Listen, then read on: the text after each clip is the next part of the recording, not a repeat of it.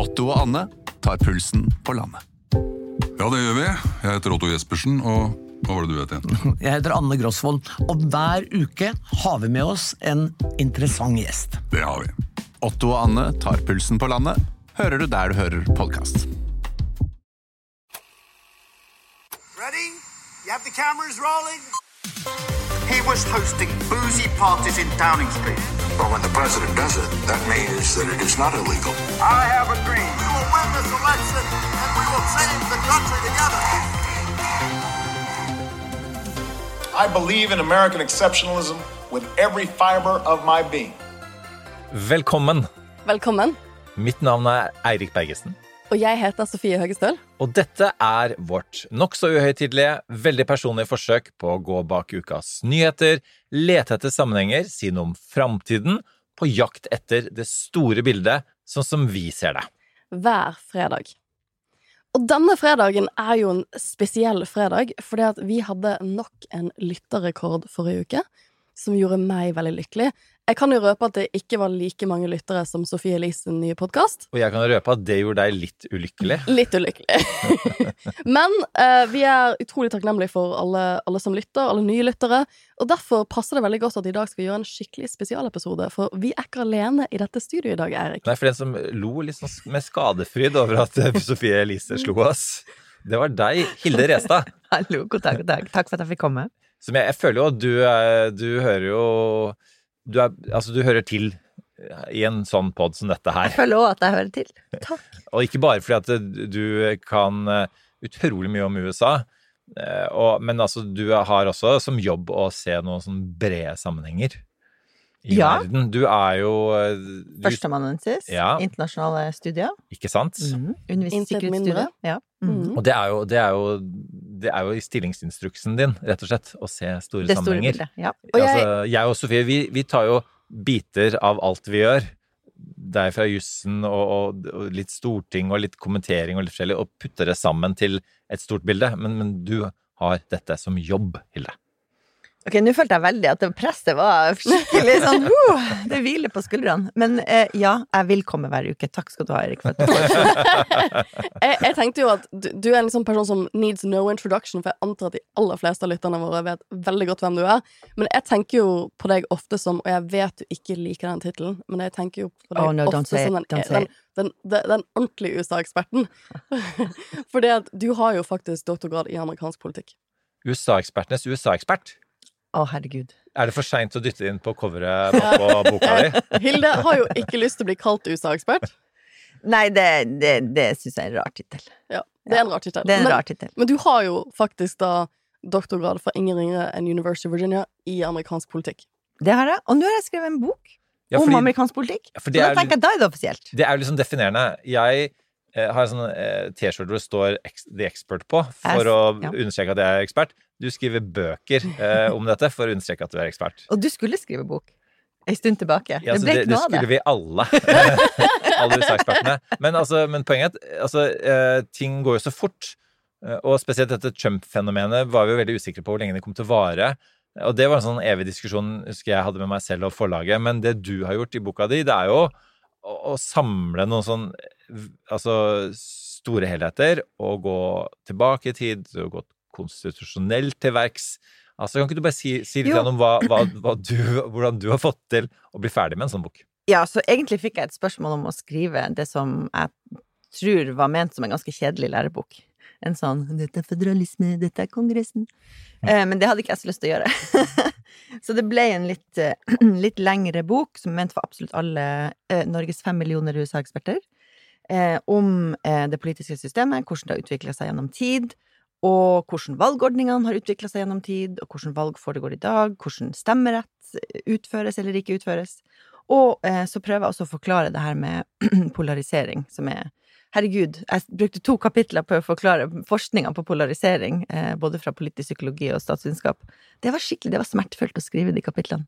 Eh, men så det du har fått, det? egentlig Det er fordi det er jo vanskelig å, å formidle ganske komplisert forskning på en sånn enkel måte som alle kan forstå. Eh, fordi jeg hadde lyst til å skrive en bok som alle kan lese uten at det blir for mye sjargong, uten at det blir for mye statsvitenskap ja. At det skal være litt sånn artig og lett å lese, men at de skal få med seg det som er viktig, og sånn at jeg egentlig prøver å formidle den kjedelige forskninga på en måte som ikke er så kjedelig.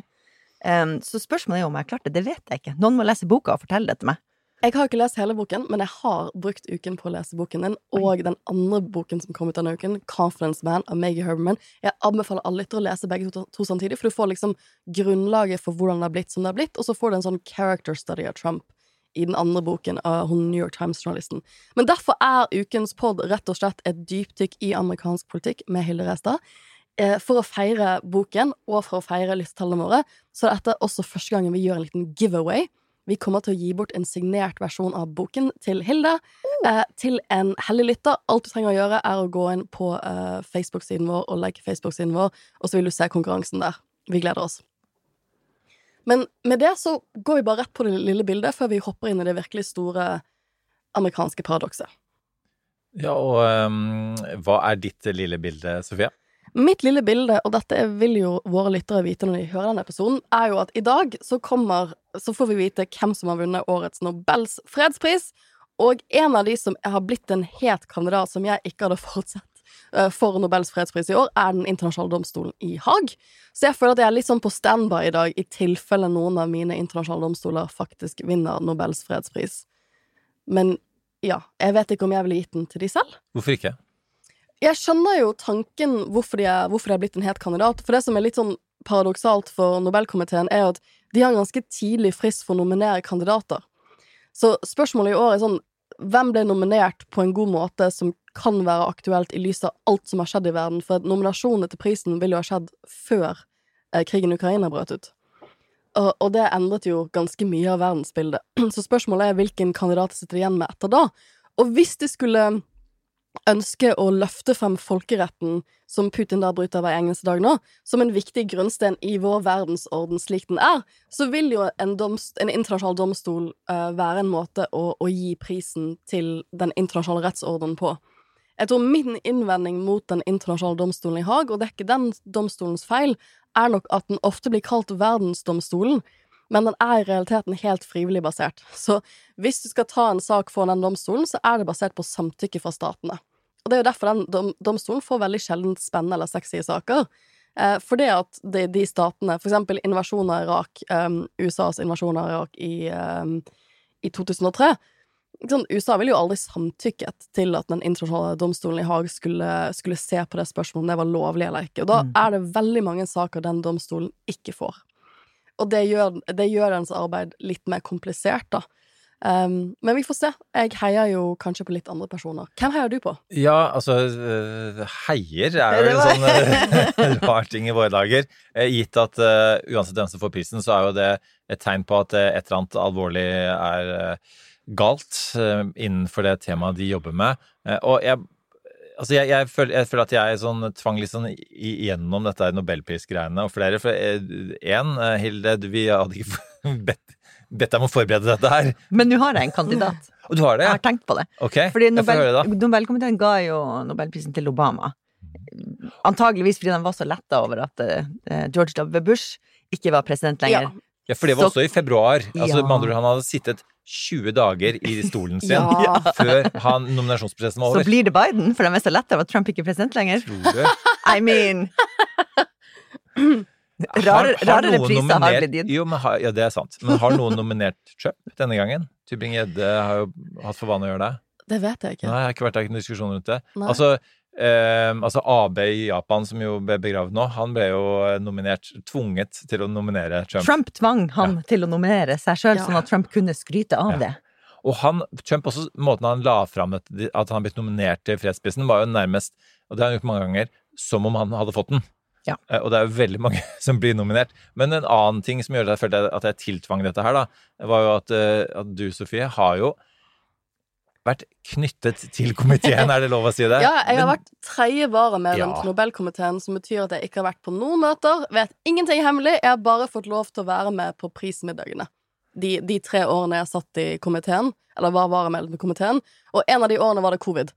Ingen som Eh, syns synd på deg, det Sofie. Det det på veldig greit ut. Det, det, Og, men, og det andre året, da var det en person som kanskje ikke burde ha fått prisen. Uh, ja, jeg tenker jo at det farger nok Jeg tenker En av de tingene som kanskje styrker ICJ, denne internasjonale domstolen sin kandidatur, er jo at uh, Nåværende Nobelkomité har nok gått på med noen bomskudd siste årene, og en av de er jo at de ga Nobels fredspris til den sittende presidenten i Etiopia, som heter Abiy Ahmed? Abiy Ahmed. Ja, Jeg tror det. Han er Herregud, veldig- jeg har rett. han, jeg har jo da møtt han. Jeg var på middagen om kvelden. Burde huske Eh, navnet. Burde huske navnet. Eh, og der satt, møtte jeg jo veldig mange av, av hans nærmeste venner og familie som var der for å feire prisen, og det var jo en fin utdeling. Eh, I etterkant så er jo situasjonen den hen, dit hen at han, har en, han er i en aktiv borgerkrig eh, med en utbrytergruppe i sitt eget land, hvor han har blitt beskyldt for ganske grove krigsforbrytelser. Så den prisen Den, uh, den prisvinneren, vil jeg si, på rekordtid fomlet det til for Nobelkomiteen, for han, han gikk jo fra å få en pris, og det var masse fine taler om hvor viktig det er å liksom stå i fredsarbeid, til innen veldig kort tid at han fikk prisen, og gjøre det rake motsatte av intensjonen til den prisen. Eh, og det, det kommer nok Derfor tror jeg nok Da blir man kanskje litt mer sikkerhetssøkende, eh, trygghetssøkende som komité. Um, det er litt morsomt at det er den siste Nobelsmiddagen jeg da har vært på. Uh, jeg håper at uh, årets vinner er um, er av en litt annen kaliber, som da kanskje ikke, ikke begår krigsforbrytelser kort tid etter. Nei, Samtidig så er jo noe av det som er interessant med Nobelkomiteen, er jo dette her med at, at det er jo ikke det, det er ikke nødvendigvis fredsapostler som får den, eller skal få den. Dette er jo folk som kanskje til og med har vært bad guys som plutselig har gjort noe good. Eh, som plutselig har sluttet å, å krige. Henry Eller, Kissinger. eh, ja, ikke sant? Ja, og, det, er jo, altså det er jo rett og slett Det er jo eh, folk som like gjerne kunne vært dømt for krigsforbrytelser, men har fått Nobels fredspris fordi at eh, komiteen har tenkt at det er en måte å eh, motivere de til, til videre fred, og det har jo også eh, slått ut på ulike måter, da. Eh, Min eneste lille eh, nobelprisanekdote Jeg har ikke sittet i komiteen, eller vært vara. Du var her for veldig mye forskjellig, det- Silje. Var Stortinget det var en periode i livet mitt hvor jeg var tredjevare til mye forskjellig. Så jeg følte det var sånn tredjevare-perioden min. Men nå er jeg førstevare til Stortinget, så det går oppover. Mm. Eh, nei, eh, det var, jeg var på ambassaden i Washington, og så, eh, eh, og så skulle eh, Clinton til Norge. Eh, Og så skulle vi eh, snakke med amerikansk presse om det. Og så har vi invitert hele pressekorpset. Én person kom, og det norske pressekorpset var ikke der engang. Fordi at, de, for at kronprinsen skulle snakke i FN, og der var de. Så, så hadde vi jo, var det vi, da, en, en svær gjeng fra ambassaden, og én eh, journalist fra AP, Associated Press, og en svær buffé som da ikke ble spist opp. Og han hadde, da vi var ferdig med å utrede eh, dette besøket til Clinton, så var det, var det noen spørsmål. Nei, ingen spørsmål. Og til slutt så rekker han opp hånda og sier han, Oh, by the way, um, when will the Nobel Peace Prize be announced this year? Og så sa vi uh, It's already been uh, two months ago. og det var sånn der uh, Oh yeah, who won? Og så Doctors Without Borders. Ah, good choice. altså, her har du amerikanere. Én, ikke så opptatt av internasjonale forhold eller, eller fred, eller fredspriser. spiser. To, ingen skamvett i forhold til at du jobber i Associated Press og ikke vet at Nobelprisen er liksom annonsert, og hvem som fikk den. Jeg følte også at det var en anekdote som illustrerte litt hvordan det er å jobbe i diplomatiet. Ja, faktisk. Og eh, som illustrerer hvorfor jeg ikke lenger jobber i diplomatiet. Jeg vil bare understreke at jeg burde si angivelig har begått krigsforbrytelser om Abid Ahmed. Jeg skal gi han den Ah, rettssikkerheten. At, at liksom, vi, vet, vi vet ikke akkurat Det er, det er ikke en Først sier domstol vi som har begynt navnet hans feil, Ja. eh, og så ja. Jeg skal si angivelig. angivelig. Hvis Men det, får, det ser jo eh, ikke bra ut, det som har skjedd de siste årene. Det Jeg gjør regner med at han kommer til å tvitre mot oss. Men mentions. vi, vi, vi snakka litt om, om favoritter, og klart altså som eh, Navalny, eh, som jo sitter i fengsel, kunne jo vært én. Da har hun eh, Tikhanovskaja fra Belarus, eh, som de kunne ha fått den prisen sammen. Og så er det jo en sånn eh, union for eh, soldatmødre. Eh, det kunne selvfølgelig vært en pris. Og så kunne man jo gått en annen retning og, sagt at eh, en David Attenborough og mange andre som jobber med miljø, eh, at man kunne gitt den for å på en måte eh, Husk miljøet oppi alt dette, fordi det er noe man glemmer med krig og økonomisk krise. Sånn, jeg, jeg ser jo for meg at uansett da, at Nobelkomiteen har blitt mer aktivistiske med årene, at de kanskje prøver å sette sitt preg på dagsorden. Um, og det har de gjort før, for så vidt på, på godt og vondt, men jeg, jeg ser for meg en, en pris som oppfattes som aktuell.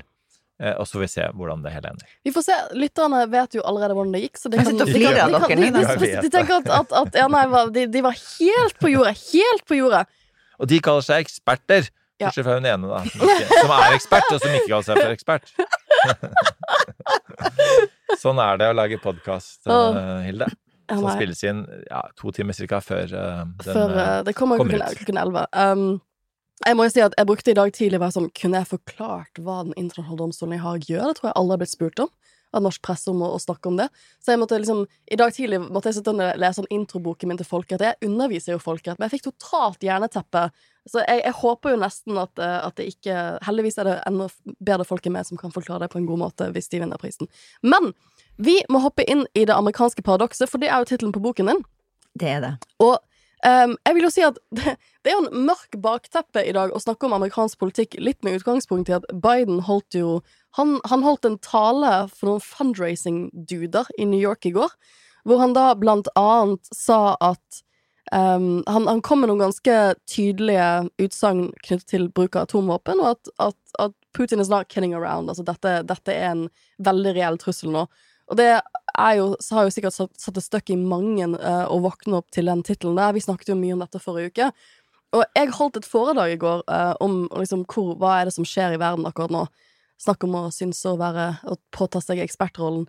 Men eh, en av konklusjonene mine var at vi har ikke tid nå til at USA er i en sånn demokratisk krise som de har vært de siste årene. Vi har ikke tid til det i det verdensbildet vi lever i. Vi trenger et USA. Hvis det er en av våre er, Våre allianser er avhengige av USA, og da trenger vi et sterkt USA som ikke tuller rundt med masse interne kriser som de har gjort siste året. Så de, de må rett og slett skjerpe seg. Og da er vi jo rett inn i boken din.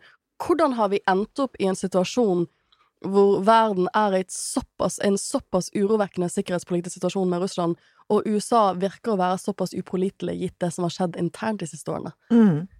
Så jeg tror jo um, det, det jeg mener er det amerikanske paradokset, uh, som jeg skriver om i det første og siste kapitlet, er det her at USA ble grunnlagt som en sånn selverklært eh, med stor selvtillit, eh, liberalt, liberal stat, først, den første moderne republikken i verdenshistorien, basert på opplysningstidsidealer og institusjoner, samtidig som det var et land som også var grunnlagt på slaveri, etnisk rensning, rasehierarki. Eh, og jeg skriver også om i forordet i boka hvor rart det er å bruke ordet rase på norsk. Eh, et begrep man må slutte å bruke, men de bruker det jo i USA hele tida. Eh, og den interne spenninga, det paradokset, har satt sitt preg på amerikansk politisk historie, på utforminga av de institusjonene deres, utforminga av valgordningene deres. Det har satt sitt preg på kulturen. Og det har egentlig Det er et paradoks USA aldri helt har klart å løse. De har forsøkt eh, tre To ganger. De har forsøkt å løse det gjennom borgerkrigen og rekonstruksjonen. De har forsøkt å løse det etter andre verdenskrig med borgerrettighetsbevegelsen. Og da tror jeg mange tenkte at nå var de kanskje nesten der. Og så med tror jeg, valget av Obama i 2008, så tror jeg det var mange som tenkte ok, nå har USA endelig levd opp til sine, sitt potensial. De har kanskje egentlig løst paradokset. Jeg tror det var nok mange av oss her i det rommet som tenkte det. Ja, for jeg tenker at mange av våre lyttere ble nok spesielt interessert i amerikansk politikk med valget av Obama. Jeg bodde jo ikke i Norge da, men jeg får et inntrykk av at da det var virkelig var mange som fulgte presidentvalget i 2008 og fikk mye personlig håp Mm. av det valget. Og det var jo litt derfor han vant fredsprisen. Jeg tror det var en sånn håpbølge i Europa rundt hva det betydde da at USA hadde, hadde tatt et sånt valg. Ja, altså det var sånn um, Francis Fukayama som sa 'end of history'. Altså det, vi, vi hadde sånn end of history-følelse. Ja. Der var vi i mål. Der var USA i mål. Ja. Svarte er blitt presidenter. Nå kan det bare gå fremover. Og så gikk det jo motsatt retning. Ja, og det, så paradokset kom på en måte tilbake, fordi at valget av Obama utløste et enormt backlash, eh, som plukka opp på den strømninga som alltid har vært der i USA, men som man tenkte kanskje hadde blitt veldig, veldig svekka eller dødd ut, så viste det seg å, å være mye sterkere. Og som eh, Trump eh, spilte på med stor suksess, men han det er viktig å påpeke, og det skriver jeg en del om i boka, det boka handler ikke om Trump, men den forsøker å forklare litt hvordan man kom dit hen at man kan få en, en Trump. Eh, fordi det republikanske partiet ville ikke ha nominert Trump som sin presidentkandidat i 2016 ut av det blå. Da, Trump er ikke årsaken eh, til det her. Det var en, en radikalisering av, det- av høyresida i USA som hadde pågått en, en god del tid, som gjorde at man kom dit hen at man kunne se for seg at man faktisk kunne nominere en person som Trump. Kan ikke du ta oss litt gjennom den radikaliseringen? Altså hva var det Ja. Vi snakker jo liksom 9-11 og Ja, tiden etter det. Ja, eh, det er det jeg prøver å forklare litt i de to kapitlene om polarisering, for du ser ikke egentlig en polarisering i USA, for det er jo to poler som går fra hverandre. Det du ser er den ene polen som går veldig, veldig langt mot høyre. Eh, Ja, Det for du du bruker kaller asymmetrisk Ja, det er asymmetrisk polarisering. Og det begrepet brukte jeg på en uh, ny, denne uka her, etter å ha snakka med deg om dette forrige uke. Så jeg, her stjeler jeg som en ravn fra folk som faktisk eh, har eh, kondisjon til å fullføre bøk, bøker. Ja, nei, så det, det har vært en radikalisering av høyresida. Eh, og det er har vært en sånn saktegående utvikling eh, som man Nå når du ser på det i ettertid, så virker det ganske sånn åpenbart, men når du, når du lever gjennom det, så er det ikke så lett å spotte. Um, men faktisk fra, fra og med borgerrettighetsbevegelsen, midten av 20. århundre, så har partiene omorganisert seg ganske grunnleggende, og det republikanske partiet ble over tid et parti for hvite kristne. Eh, Det var jo sånn før at i sørstatene så var jo alle hvite kristne, de stemte jo på Det demokratiske partiet, fordi Abraham Lincoln, han som starta borgerkrigen, ifølge sørstatene, han var jo republikaner. Men med borgerrettighetsbevegelsen og Det demokratiske partiet ble eh, borgerrettighetspartiet, så begynte de partiene å omsortere seg. Eh, og bare for å fullføre den setninga, så hadde Det republikanske partiet har nå over mange tiår blitt et parti som er veldig homogent, og mer og mer konservativt, i den grad at det har vippa over til å bli radikalt. Mens Det demokratiske partiet har blitt mer og mer eh, mangfoldig, med forskjellige typer grupper i partiet. Så de, de sammensetningene av de to partiene drar dem i veldig ulike retninger. For jeg leste i boken din at um, støtten for hvite kristne er en viktig maktfaktor, her siterer jeg direkte, for det replikanske partiet. Um, da de er mektigere enn befolkningsstørrelsen skulle tilsi. I 2016 utgjorde de 43% av befolkningen, men 55% av velgerne. Ja. Og det er helt, essensielt, tror jeg, for å forstå den polariseringen. Og det er særlig eh, relevant for mellomvalg og kongressvalg, fordi at det ofte i USA eh, så handler det jo ikke om folkeviljen eller generelt hva vil amerikanere ha, det handler om hvem er det som møter opp når det er Mm. valg. For det er ganske dårlig valgdeltakelse i USA. Det er enda dårligere valgdeltakelse når det er kongressvalg og mellomvalg, sant. Og da kan du få veldig stor makt hvis du er en gruppe som hvite kristenkonservative Som mobiliserer. som mobiliserer. Eh, og dem, det har de gjort eh, i mange tiår. Og de har fått økende makt i nominasjonsvalgene i det republikanske partiet. Eh, så man ser jo at det var jo dem som, som var en viktig maktfaktor når Trump kom og ønska å få nominasjon i det republikanske partiet. Selv om han ikke personlig eksemplifiserer mange av de idealene kristenkonservative står for, så eh, sa han at han skulle kjempe for dem inn, når, som president, og en av de tingene han lovte, var jo at han skulle nominere høyesterettsdommere som skulle omstøtte Roe v. Wade, og der, for en gangs skyld, holdt han jo sitt ord. Absolutt. Eh, Jeg um, så faktisk en eh, Jeg hadde lyst til å kalle det fun fact, men det var ikke så veldig fun. Men det var iallfall noe jeg ikke visste fra før. Nemlig at eh, blant, eh, blant denne gjengen her, da, eh, så Altså de ja, konservative kristne, så i 2011 så var det 60% av de som mente at hvis du, hvis du, er, du gjør noe umoralsk da, i, ditt liv, så er ikke du i stand Da burde ikke du på en måte få tillit til å, politisk lederskap, da. Og så forandre, droppa det fra 60% til 20 mm. og når var det? Jo, da de her eh, eh, tapene eh, Access Hollywood-tapene Ja. av Trump kom.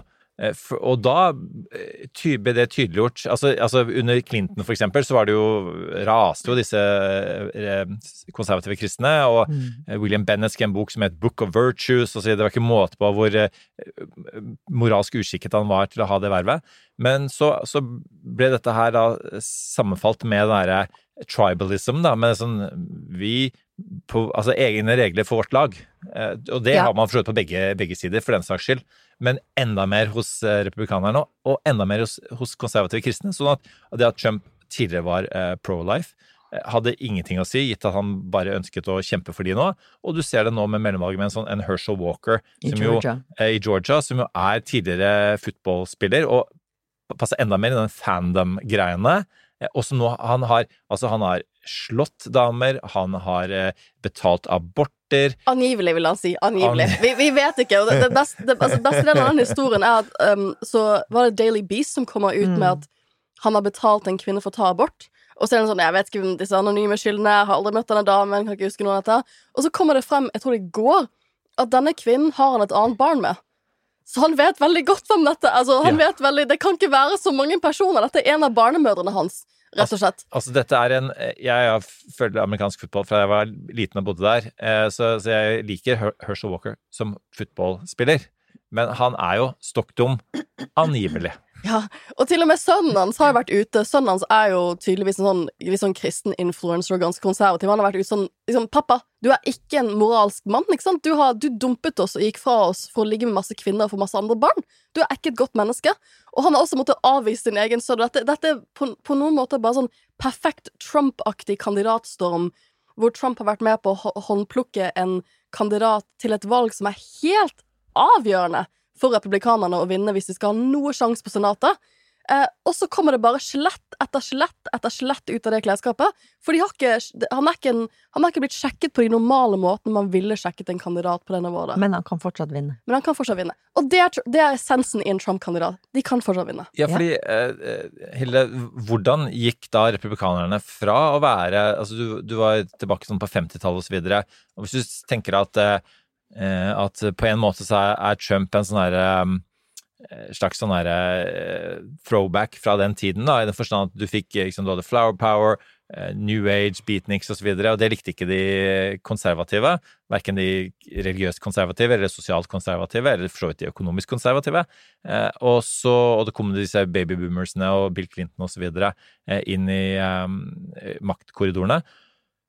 Og så gikk det tilbake liksom, Make America Great Again. Er det liksom egentlig Make America 50s again, white again? Eh, Christian men, again. Christian again. Men altså, i- tilsynelatende så skulle man jo nettopp beskytte lover og regler og, i det minste lov og orden. Men så har du fått det motsatte. Altså, dette er jo det partiet som nå driver og tøyer alle mulige lover og regler, enten det er eh, å la Trump får lov til å holde på som han vil, ehm, eh, og at man utnevner høyesterettsdommere på helt andre måter enn man har gjort før, og at man har fått rett og slett ukvalifiserte, mye svakere kandidater, bare fordi at det er eh, trumpister. Altså, hvordan, hvordan gikk det så langt som det nå har gjort? Men det er jo fordi at de føler at de er i en kamp for eh, Altså, kampen handler om hva slags land skal USA være. Skal det være et hvitt kristent land, eller skal det være et mangfoldig eh, liberalt land? Og det er det nå grunnleggende uenighet om. Og da er vi litt tilbake til det paradokset. At jeg tror vi egentlig nå er inne i en ny runde med oppgjør, et slags nytt grunnleggelsesforsøk, egentlig, akkurat som du så borgerkrigen, borgerrettighetsbevegelsen. Jeg tror vi er i en sånn historisk periode nå. Eh, fordi vi ser så utrolig mye konflikt og grunnleggende frykt mellom de to eh, sidene. Eh, fordi at man har ganske motsatte visjoner av hvordan land USA skal være.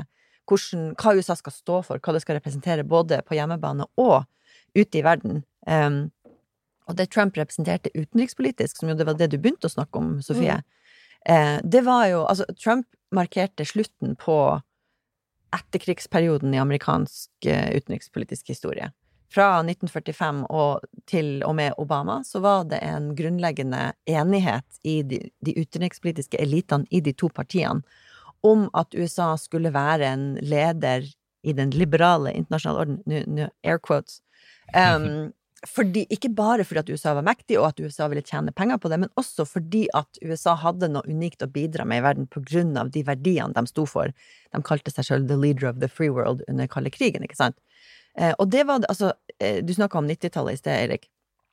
Neokonservative i det republikanske partiet og de liberale internasjonalistene under Clinton var kjempeenige om eh, at USA skulle være den viktigste maktfaktoren i internasjonal politikk, på grunn av hvilke verdier og idealer USA sto for. Um, det var jo Madeleine Albright som kalte USA the indispensable nation, som Clinton-administrasjonen took and, and ran with.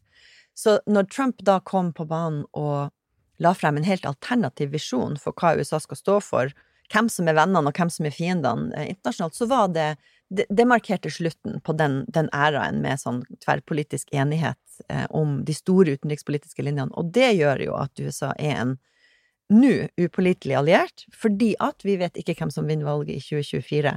Det er ikke sikkert at det er Trump, men det kan være en Trump-lignende person eh, som er mer vennlig mot Putin enn mot eh, eh, Zelenskyj, ikke sant? Og, og da har du Når du ikke har den påliteligheten og de, den, den kontinuiteten, så er det skummelt å være et lite land som er avhengig av USA sikkerhetspolitisk. Ja, og det er jo et mellomvalg nå. Det er klart at det påvirker ikke Bidens utenrikspolitiske makt direkte. Han har mye makt som president i USA utenrikspolitisk. Men hvis han skulle tape Han ligger jo ikke an til det, men la oss si at han taper både Senatet og Underhuset, altså hele Kongressen, så kommer det til å gjøre livet hans mye vanskeligere. Han kommer til å være mye mer svekket. Han kommer til å ha problemer med å utnevne ambassadører. Kommer til, det, det kommer til å vanskeliggjøre de siste to årene av hans presidentperiode på en måte som, eh, som man må håpe da ikke svekker han internasjonalt. Men det er, jo, det er jo derfor dette valget har noe å si også for, for den vestlige verden i den situasjonen vi er i nå. Ja, Senat er, er jo viktig i utenrikspolitikken. Ja, ja, men, ja. Men, men det er generelt mer enighet blant senatorene om de store linjene, og de har jo sant, stemt for at Sverige og Finland skal inn i Nato. Det har ikke vært noe tull der.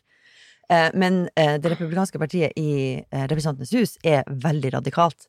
Og vil, hvis de, som de sikkert gjør, tar over eh, flertallet i Representantenes hus, starte en rekke ganske eh, skal vi si skandaløse etterforskninger hvor de vil prøve å svekke Biden. De vil helt sikkert prøve å starte riksrettsundersøkelser, eh, selv om de, avhengig av om de får Senatet eller ikke, kanskje ikke vil komme til noen riksrettssak, men de vil starte etterforskninger, ikke sant. Eh, og da er du Da er du inne i en, en ny periode når et, et eh, parti på, på en måte automatisk begynner med riksrettsundersøkelser bare for at de har vunnet flertallet i Representantenes hus. Sånn har det jo ikke vært før. Eller bare for å hevne seg. Bare for å hevne seg. Ja, men det er jo, hvis du hører på republikanere, så sier de jo men det var det demokratene gjorde mot oss i 2018, så vi må gjøre det mot Sånn er amerikansk politikk nå. Så da må vi gjøre det Ja, og den her both sidesism er jo Det er jo noe eh, man har Vi har kommet litt forbi det nå, men det var, det var en stund hvor man måtte eh, gjøre both sidesism, men jeg, jeg tror ikke det er så mange som tror på det nå. Nei, fordi altså Poenget er jo at eh, Trump har representert noe så annerledes i det politiske systemet. Han har rett og slett ikke respektert de demokratiske spillereglene, og det er jo derfor demokratene har gått etter han. Og det tror jeg er veldig viktig å påpeke, men, men når det er sagt, så det logiske argumentet som republikanerne bruker, er jo eh, ja, for det de kjører på, da. Eh, Og at og om, om disse riksrettssakene de skal prøve å få til, om det handler om Hunter Bidens PC eller hva det nå skal være. Det kommer til å handle om ting som ikke har vært i nærheten av å være riksrettsverdige tidligere. Eh, Og som ikke kommer til å føre fram heller, for så vidt, men det kommer til å lage masse støy. Og er det en ting som kommer til å skje, så er det at eh, det blir støy og veldig få lover som kommer til å bli Ja. gjennomført. Og det, altså det Biden og den demokratiske kongressen har fått gjennom på to år, er jo helt uh, utrolig. Uh, vi husker jo, Jeg snakka i sted om det her med at det er ikke alltid man skjønner den tida man lever i. Og Obama-æraen var en sånn ganske forvirrende tid, fordi at etter at republikanerne tok over Kongressen i 2010, så skjedde det jo. Så fi- fikk jo Obama-administrasjonen gjennom noe. For det, der man hadde vært vant til før å ha kompromisser mellom partiene for å få gjennom viktige lover, så, så var det bare obstruksjon fra det republikanske partiet. Men det var vanskelig å forklare hvorfor det her skjedde.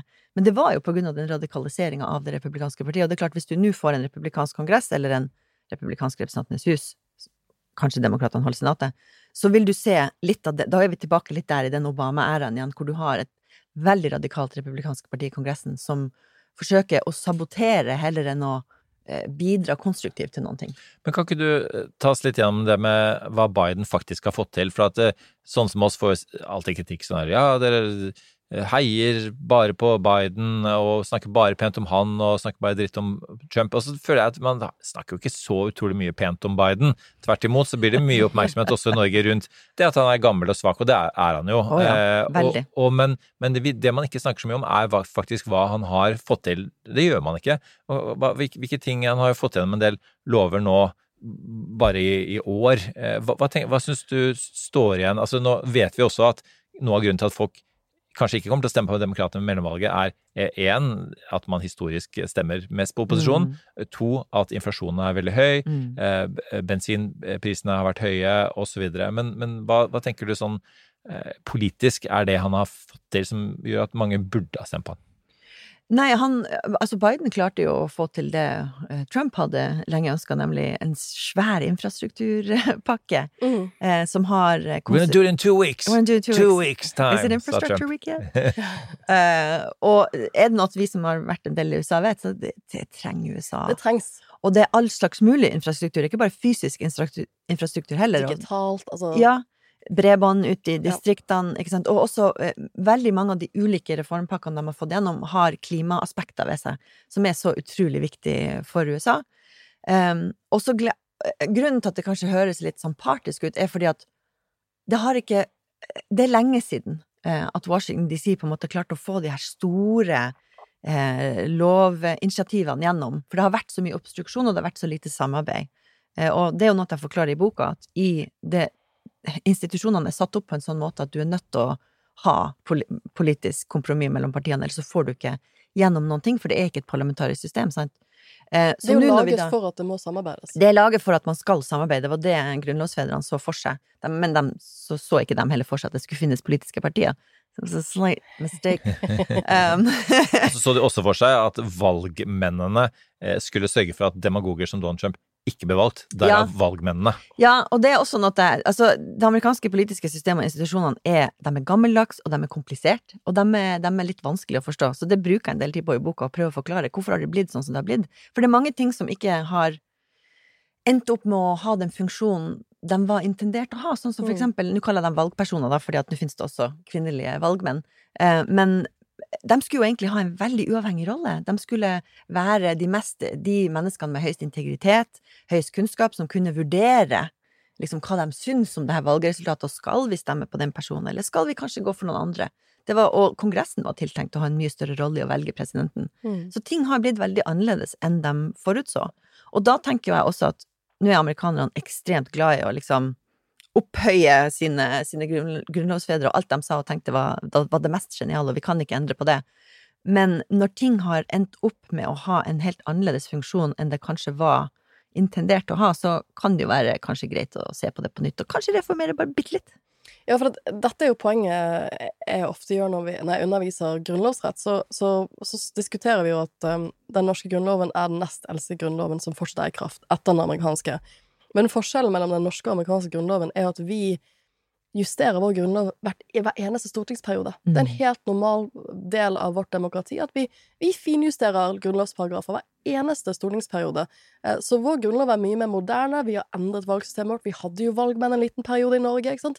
Etter inspirasjon inspirasjon av USA så så vi til kontinentet og sa at å, hadde det ikke vært litt fint med litt mer direkte valg og litt andre typer valgordninger? Og så bare endret vi Dette valgsystemet visste vårt. ikke jeg, faktisk. Nei, vi hadde valgmenn en liten periode. Ja. Mm. Og Så det, det er morsom, på grunn av USA. Det det er en sånn morsom finalitet som du kan lese om i Valglovutvalgets NOU, hvis du har lyst til. Og Thomas Jefferson mente jo at kanskje cirka hver, hver generasjon burde omskrive grunnloven. Ja.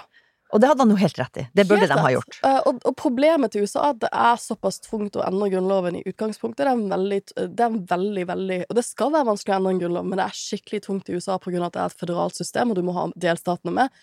Og når du da har et polarisert samfunn, så får du ikke gjort det. Og det betyr at USA effektivt sett de siste tiårene ikke har endret grunnloven sin, og det ser vi konsekvensen av. Absolutt. Ja, og det hvisket du nå for at du ikke For ville over... for jeg så at du skulle si noe. Nei, men bare, vi har, det, dette vet jo ikke lytteren, for vi har, vi har mange ulike håndsignaler eh, i spill her for at tre veldig pratsomme folk skal komme til ordet. men ok, hvis jeg lover å gi deg ordet nå straks, da. Jeg skal bare smette, Dette er veldig innsmett, og da bruker vi ofte sånne, sånne innsmettfingre. Nei, fordi jeg, nå skal jeg bare egentlig Jeg skulle egentlig bare hive inn at jeg også har eh, skrevet en bok en gang i tida. det vil si, jeg var redaktør sammen med Gudleiv Forr. Eh, og men denne boka er veldig relevant til det vi snakker om nå, for det var nemlig en gjennomgang av den amerikanske og den norske grunnloven. Det stemmer. De to eldste. Det stemmer. Eh, Og den het eh, Rødt, hvitt og blått. eh, Norsk grunnlov, amerikansk inspirasjon. Og, og da var en av de poengene, det Thomas Jefferson-poenget, Mm. eh, at eh, nemlig det at han sa at vi, ja, vi, vi hver generasjon burde ha sin grunnlov. eh, Fordi, nettopp for at, at hvorfor skal en generasjons tanker og verdier bestemme neste generasjon? Og, og det ser vi jo på med all den arv, eh, arvegodsen da, fra amerikanske konstitusjoner som de fortsatt ikke klarte å fornye, enten det er du nevnte, du nevnte svarte minoriteter, kvinners rolle, ikke sant. Masse ting som, som ligger der som gjorde det litt for enkelt eh, med dette abort eh, Oppheve abortdommen også, for øvrig. Men eh, hva, hva annet var det jeg skulle si enn at jeg hadde skrevet den boka? Uh, jeg har ikke skrevet den engang, jeg har redigert den. Mi, mi, mitt, mange kløktige akademikere som var inne der. Mitt kapittel handla, handla for øvrig om Norges forhold til, eh, til USA. Men eh, Nei, altså, altså eh, Poenget er iallfall at de at de, de har endret seg veldig ulikt, da. Og, og det Ja. at vi Og, og, det, og den er Altså, det, konservatisme, grunnlovskonservatisme, blir holdt som, opp som noe positivt. Altså, er, det, er det egentlig det? Altså, er, og I hvert fall ikke i det amerikanske samfunnet, så er jo den konservatismen er jo noe som holder det igjen, da. Eh, mens vi ser at Europa eh, liberaliseres stort sett og moderniseres. Eh, og nå er jo på en måte Jeg skal ikke skrive en bok om det, men eh, den amerikanske drømmen lever jo rett og slett bedre i Norge enn i USA. Ja, jeg, jeg, har, et spørsmål, liksom, jeg kan linke litt til dette. Du skriver at amerikansk politisk utvikling kan leses som et vedvarende spenningsforhold mellom de nedskrevne demokratiske idealene og kampen for å gjøre disse idealene gjeldende for alle. Eh, som et liberalt eller illiberalt paradoks. Mm. Eh, og det, det er jo eh, Med den analysen så befinner jo USA seg i det neste kapittelet, som de sier. En ny brytningstid for akkurat denne kampen her. Eh, og jeg, jeg vet jo at eh, som USA-ekspert så hater du også å bli spurt om hva fremtiden bringer. For det er, litt, det er jo litt det jeg tenker av og til, at når USA har såpass utdaterte byggeklosser for demokratiet sitt, sånn som jeg, jeg ser på det med mine sånn juridiske valgøyne, da, så er det vanskelig å bryte ut av de mønstrene eh, og, og inn i en, en oppovergående positiv spiral når man først er der man er, når man først er den krisen man er i nå. Hva tenker du er Hvordan, hvordan kommer man seg videre i den kampen nå, sånn som ståa er nå? Ja, fordi at du ser at det er faktisk to veldig klare fronter i denne demokratiske kampen. Fordi at det republikanske partiet bruker nå de her ganske gamle institusjonene, som for eksempel valgpersonordninga, det at du kan eh, tegne dine egne valgdistrikt, eh, som heter gerrymandering, de bruker det veldig bevisst for å eh, oppnå og beholde makt, selv om de er et minoritetsparti. De har jo ikke vunnet noe antall stemmer i noe presidentvalg siden 1988, bortsett fra da George W. Bush ble gjenvalgt etter 9-11 i 2004. Og de baserer seg nå på å få makt gjennom å manipulere de valginstitusjonene. For eksempel i Wisconsin så har den republikanske delstatsforsamlinga tegna sånne type valgdistrikt som gjør at selv når demokratene vinner flertallsstemmene flertall stemmene i, i, i, I. Wisconsin, ja, så vinner de ikke delstatsforsamlinga. Ja. Eh, det er nå den republikanske strategien, så det vil vi se fremover mer og mer fra det republikanske partiet, mens det demokratiske partiet, som et tilsvar til det, har blitt mye mer eh, oppmerksom på å prøve å eh, lage nye regler på delstatsnivå for å gjøre det enklere å stemme, for eksempel, for å på en måte øke det, det mulige stemmeantallet. Eh, Så du har liksom noen delstater hvor alle blir automatisk registrert som velgere, for eksempel, som republikanerne er imot. Og så har du andre delstater som republikanerne styrer, som gjør det så vanskelig som mulig. Mm. eh, For å, for å bli, eh, bli eh, få lov å bruke stemmeretten sin. Så du ser to veldig klare fronter. Så fremover så tror jeg det vil være en sånn Så der er jo nerdenes paradis, for kampen om USA sin demokratiske sjel står i alle de ner- nerdete statsvitenskapelige ordningene. Yes! Akkurat sånn vi vil ha det. Men vi, altså nå har jo du skrevet en, en lang bok, eh, og så Ikke så lang, Eirik. Ja, en bok. Det holder. og, og så kommer du på en dette her, og så er det eneste vi vil snakke om, er ja, men hvordan ender valget? Ja, for Ja. vi må runde av Vi her. må- la oss, vi må, ja, vi la må oss dit. runde av her med Trump Watch. Gi meg en liten jingle. Quiet, quiet, quiet. You are a rude, terrible person. Hva er det som skjer om fire og en halv uke? Um, det som skjer, er Det er to ulike scenarioer på gang. Eh, det ene scenarioet er at det republikanske partiet, fordi de blir mer og mer radikale og nominerer mer og mer radikale kandidater og gjør mer og mer radikale ting, som for eksempel å nominere høyesterettsdommere som omstøtter retten til selvbestemt abort, at de ikke klarer å få med seg nok velgere til å ta tilbake Kongressen i det som burde være et perfekt år for republikanerne å ta tilbake Kongressen, sånn som du sa, Erik, på grunn av eh, økonomienes tilstand og den historiske trenden med at man stemmer imot presidenten når det har vært etter to år. Mm. Det andre eh, Så det betyr at selv om demokratene burde tape stort, så kan det være at de kanskje beholder kanskje Senatet, eller, eller at de ikke taper så mye som man skulle tro, at det dermed Det blir lettere veldig knapt flertall, for knapt flertall, ikke sant? Og at det dermed blir lettere for demokratene å ta inn gjennom to Ja. år. Men det, det andre som kan skje, og da er vi tilbake til det vi akkurat snakka om, er at republikanerne er veldig, veldig, veldig flinke til å mobilisere de mest aktivistiske, og til å, i de delstatene de kontrollerer, manipulerer valginfrastrukturen på en sånn måte at de likevel vinner, selv om de ikke har noe flertall bak seg. Um, og, det, så, og da, hvis, hvis, du er en sånn, hvis det blir et sånt valg, så vil du, det blir det en slags rød bølge hvor du får inn de også veldig radikale, veldig dårlige kandidater, som for eksempel Herschel Walker i Georgia, og en rekke andre eh, republikanere som da er en del av Trumps Big Lie-konspirasjon, og som vil være viktig i 2024. Ja, for, for um, overskriften i Washington Post i går var at de har kartlagt kandidatene til mellomvalget, eh, og har vist at en, et flertall av kandidatene på republikansk side har støttet opp på en eller annen måte om the big lie, altså at, eh, at det var eh, valgfusk i 2020. Og det er nok en av de tingene Kanskje naivt, da, når vi snakker om alle disse trendene som har vært der, men det hadde vært vanskelig for meg å forutse for to år siden at vi ville være der nå, at det ville vært et mellomvalg. Du kan bare klinge i vei.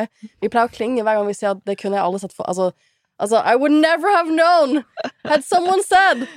Um, men for to år siden så hadde jeg nok ikke trodd at, um, at Eller i alle fall etter stormen av Kongressen, så hadde jeg nok ikke tenkt at et flertall av republikanske kandidater i 2022 ville måtte støtte opp om the big lie for å være valgbare i sitt Mm. eget parti. Mm. I 40 stater eh, så Ja. har du eh, election deniers. Og, de- og de hadde jo muligheten eh, til, eh, med den andre riksretten, den første handla om Zelenskyj for øvrig, Ja. eh, og Ukraina, men da hadde de muligheten til å gjøre noe med Trump. De gjorde det ikke, og nå er konsekvensen av det. De hadde muligheten til å ikke nominere Herschel Walker. Nå ser du konsekvensen av det. Så på en måte det er jo ved å aktivt velge eh, noe annet enn eh, det som er rett og rimelig, at man havna i den situasjonen her. Men altså, vi, vi snakka om økonomi i stad. it's the economy stupid, er det jo mange som kjenner til. Men altså, nå er vi på it's the stupidity stupid. Altså, dette er jo ren og skjær idioti. eh, Og i en situasjon da, hvor USA burde stå frem som Ok, de, både enten det var, enten var på en måte Clinton-liberale, eller det var neocons, altså de som hadde ideen om å på en måte eksportere demokrati, funka veldig dårlig. Og nå tror jeg man er på sånn cirka vi skal eksportere stabilitet i stedet. Og på godt og vondt, for så vidt. Men, men den derre ideen om at, eh, at USA skal på en måte en sånn type sånn demokratisk hegemoni, da i hvert fall som i, i tanke, om ikke i invasjon, eh, så, så er det, det er vanskelig å se for seg, altså gitt at, at de løgnene som nå omgir det republikanske partiet. For jeg syns det er vanskelig Jeg hadde jo kanskje trodd at Ukraina-krigen ville ha en skjerpende effekt på deler av det gamle establishment i det republikanske partiet. De ville tenkt sånn OK, nå er verden faktisk et veldig urolig sted. Vi trenger en sterk um, amerikansk president som er tydelig på den internasjonale scenen, som tar et ansvar internasjonalt. Litt den tradisjonelle linjen, utenrikspolitiske linjen som vi snakket om i sted. Um, og at det ville ha en sånn skjerpende effekt på hele partiet. Vi har ikke vi har tullet mye. Det har vært mye tull, men nå må vi nå It's serious, guys. Nå kan vi ikke forholde på sånn. Det har ikke skjedd. Du ser vel heller eh, eh, tvert imot at deler av um, den konservative um, bevegelsen i USA ser ut til å omfavne til tider ting som ligner nesten på russiske konspirasjonsteorier knyttet til, til Altså, vi så jo for eksempel Tucker Carlson som Ikke bare uke nesten. Nesten, altså, som altså Vi så jo Tucker Car Carlson neste uke, som er denne, denne panditen på Fox News vi snakket mye om, som, som, som, som antydet på sitt show at det er USA som står bak eh, saboteringen av gasslinjene. Det er, det, er russisk, det er russisk Det er jo nå noe Russland sier, uh, slenger ut offentlig. Eh, så du ser, jo, du ser jo heller bare at det forverrer sykdomsbildet da, til det republikanske partiet. Ja. Det republikanske partiet er nå et grunnleggende useriøst parti i en veldig seriøs tid i verdenshistorien, og det er veldig skummelt. Men det verste er jo, det verste er jo at hvis republikanerne tar Kongressen nå, så tror jeg det gjør det lettere for Biden å vinne gjenvalg. Ja. For det er to år med igjen. Long game, Ja, long så kan game. det styrke han. Hvis Biden er i live. Oh. Og hvis han er i live, så kommer han til å stille, tror jeg Ja, det tror jeg. Det er ingen amerikansk president som har frivillig sagt fra seg makta, bortsett fra Lyndon B. Johnson, fordi han så at Vietnamkrigen var så upopulær at han ikke kom til å vinne valget. Mm. Ja, men og det er liksom, jeg tenker dere at det er sikkert, helt sikkert noen ryttere som tenker at nå har de vært veldig harde med det republikanske partiet, og dette er unyansert. Men det er jo litt der at jeg tenker sånn Hvis det hadde vært ethvert annet land enn USA, og vi hadde dekket det, så hadde vi forventet at et politisk parti skal følge de demokratiske spillereglene. Ikke sant?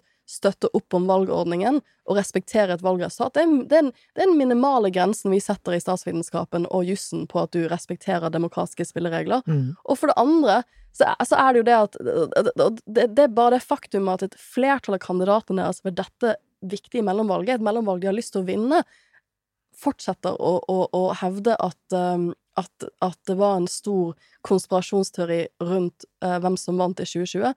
Det viser jo hvor grunn... Altså, det viser jo deg hvor, hvor store problemer det republikanske partiet har i dag. Nå føler jeg Sofie, at du åpner døren for å si noe negativt om Det demokratiske partiet.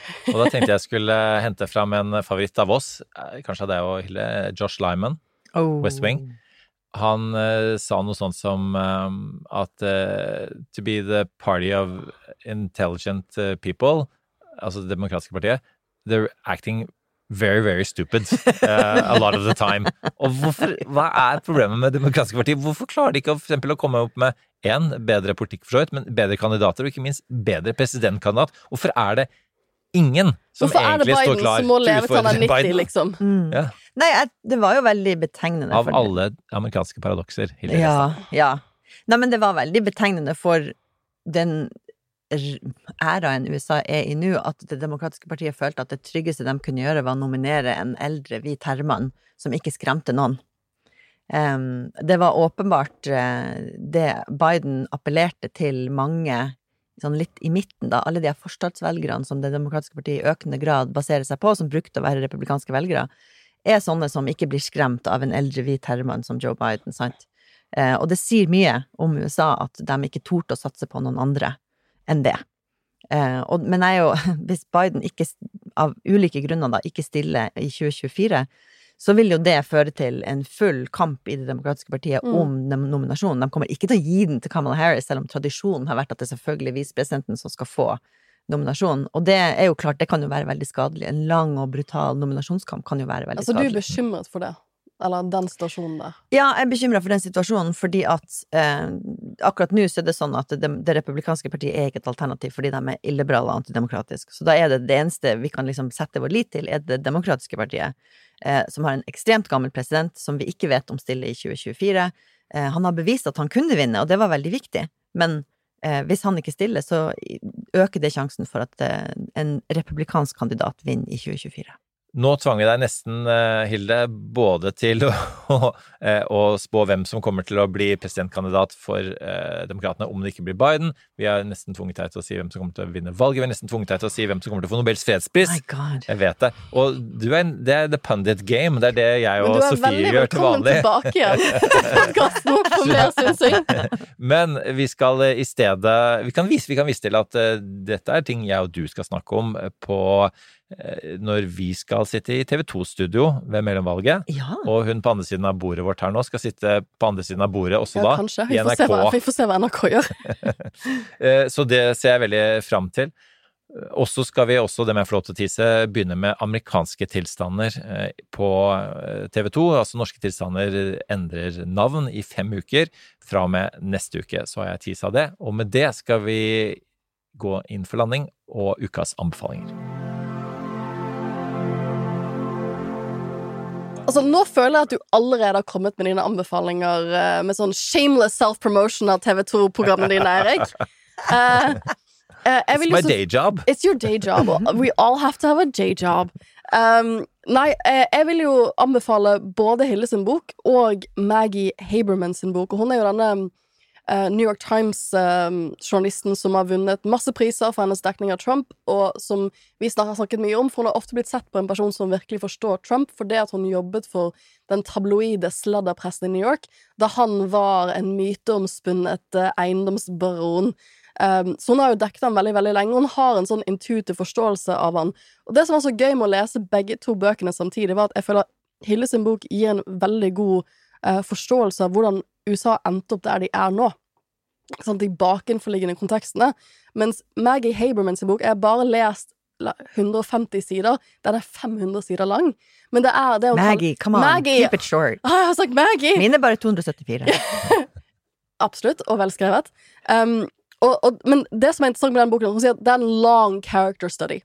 Og du får liksom Jeg er fortsatt jeg, har for, jeg har bare kommet så langt som til 80-tallet i New York for å lære hvordan Trump blir Trump. Men hennes teori om Trump er at Trump er fortsatt i 80-tallet i New York. Hans, hans verdensbilde er lik det var på 80-tallet i New York. Det er sånn han ser verden fungere.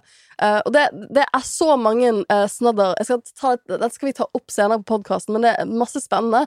Men jeg vil virkelig anbefale, for du får en bedre eh, forståelse av hva som får Trump til å fungere. Om det er tillitsvekkende eller ikke, det er vanskelig å si.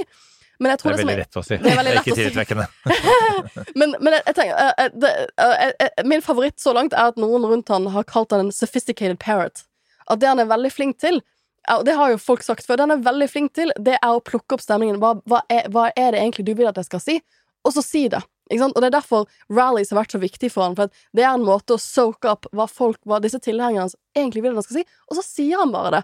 Og, og det er sånn han overlever i sånn ti minutters bolker i livet sitt, er å si det han tror folk vil at du skal Reading si. the room. Reading the room. Og det er han veldig flink til. Mm. Uh, jeg vet ikke om det er noe vi skal lære nødvendigvis av Trump. Nei, Eh, men det det jeg, ikke. nei. Men jeg syns det, det er en utrolig spennende bok. Litt ikke minst uh, ut ifra det vi snakket om, at hennes teori er jo at Trump er nå så malt oppe i et hjørne at selv om man, av alle disse etterforskningene mot han, selv om hans hjerte ikke nødvendigvis er å være president igjen, for det var jo litt kjedelig, og det var mye jobb og sånne ting, eh, så, han, så, er, så må han, føler han kanskje seg tvunget, han er jo en fighter i den stasjonen han er i nå. Han liker ikke å være en taper. Ja, han liker ikke å være taper, føler seg kanskje tvunget til at han Selv må om han tapte ikke valget. ja, nei, han tapte ikke valget. Um, han føler seg nok tvunget, kanskje, at han er i en situasjon hvor han føler seg tvunget til å stille igjen, og da er vi jo liksom midt inne i det amerikanske paradokset som er Hilles bok. Så jeg har lest begge bøkene. Det er min anbefaling. Jeg har en eh, bok som jeg vil anbefale, som er blitt anbefalt av eh, vår eh, søsterpod, er det lov å si det? Broderpod? Broderpod. Storebroderpod. Ja. The End, som heter The Rest is Politics, med Alistair Campbell og Rory Stewart, fordi de nevner denne forfatteren Altså, de Alistair Campbell sier at det er den forfatteren de nevner mest, en som heter Moses Naim, som var tidligere utviklingsminister i Venezuela, også vært redaktør i Foreign Policy, faktisk. En eh, fremstående eh, internasjonal tenker. Han har en bok som heter The, Revenge of Power. Og jo, de bruker jo det The Three Piece, de nevner stadig, altså som er da eh, post-truth, polarization og populism. Eh, Og, de, eh, og det er henta fra han. Det er han som, som Det er flere som er inne på det, men han har på en måte disse de tre p-ene som han forfølger. da. Eh, Og det er Nå har jeg endelig begynt å lese den boka. Det er kjempefascinerende. Jeg anbefaler den virkelig for å på en måte, se disse ulike sammenhengene. fordi det som er en av hovedtesene hans, er jo at, og det har vi vært inne på på poden vår også flere ganger, at, at disse tingene her blir jo eksportert mellom land. Ikke sant? Så det Bolsonaro sier, det Meloni sier, det Trump sier, det er mye av det samme, blant annet for at du har en del av disse Det Putin sier. Putin, ikke minst, eh, og for at mange av disse her eh, besøker hverandre eh, og eh, lytter til hverandre og rett og slett eh, samarbeider, eh, ikke minst om, om det retoriske budskapet. Men, men dette, den det han også er inne på, liksom at populister er veldig gode til å på en måte definere kriser og, og utnytte kriser. Eh, Og, og så har man jo alltid en eh, idé om at, eh, at man må nødt til å altså de, Det som er nytt da, med, med, med at i gamle dager så diktatorer var sånn her It's my way or the highway. Bare jeg kommer til å innføre illiberale, udemokratiske ting, for at det lønner seg for dere, og i hvert fall for meg. Mens nå eh, så later de som de er demokratiske, og han bruker ordet stealthocracy, ikke sant? at eh, man gjør det under radaren, helt til man plutselig liksom tada, liksom Scooby-Doo, bare trekker av hetta. hetta. Jeg bruker det for at dere skal forstå dette bildet, dere er USA-folk. Eh, og, så ser dere å, det er eh, tivoli-mannen eh, som sto bak. Altså, og det var det egentlig det Trump gjorde med kongressstormingen eh, og alt rundt det, hvor han prøvde å komme unna med det, og ikke minst da han ringte til eh, ulike sånn eh, folk i statene og sa gi meg så og så mange stemmer, altså akkurat det presise antallet. Det var på en måte avdekkingen av det som burde være tydelig for alle, altså et eh, ikke-demokratisk eh, politisk eh, strategier. Så les den boka. Hilde, du er blitt bedt om det, er en av de tingene vi rakk å forberede deg på, da. Ukas Så skal jeg ha en anbefaling, ja. Eh, som er interessert i moderne amerikansk historie, de burde sjekke ut en bok som heter Fault Lines. Eh, det er to historieprofessorer fra Princeton som samunderviste et emne eh, om moderne amerikansk eh, historie. Og så eh, gikk det så bra, var det så gøy at de skrev en bok som heter Fault Lines, som prøver å forklare eh, hvordan man kom dit man er i dag, fra og med 1974. For de ser på 1974 som en veldig viktig skille i amerikansk politikk, og det, det er Watergate, det er Vietnam. Eh, og så ser de på ulike eh, viktige faktorer, som for eksempel rasespørsmål, økonomi, media, utvikling av media, for å på en måte eh, følge det fra 74 og frem til i dag. Eh, og det gjør de på en veldig god måte. Og jeg er jo veldig for akademikere som formidler på en enkel og lettfattelig måte. Så eh, den boka anbefaler jeg veldig. Fault Lines heter den. Vi er også veldig glad i akademikere som formidler på en enkel og lettfattelig måte. Derfor har du eh, vært her i dag, Hilde, og, det har, og tusen takk for at du har klart å formidle den passe tjukke boka Yes. på en enkel og lettfattelig måte. Tusen takk. Du må komme tilbake etter mellomvalget og, og gi oss din analyse på hva som egentlig skjedde. Dette, blir jo, dette er jo en utrolig spennende tid i amerikansk politikk og i verden, men som dessverre er alvorstungt. Da trenger vi jo gode forskere som formidler den kunnskapen de har. Så tusen takk. Som er hyggelig å prate med om noen ganger litt uhyggelige ting. Takk for at du var med oss, Hilde. Tusen takk. Takk for at dere hørte på. Ha en flott helg og en fortreffelig uke. That's enough. Put down the mic.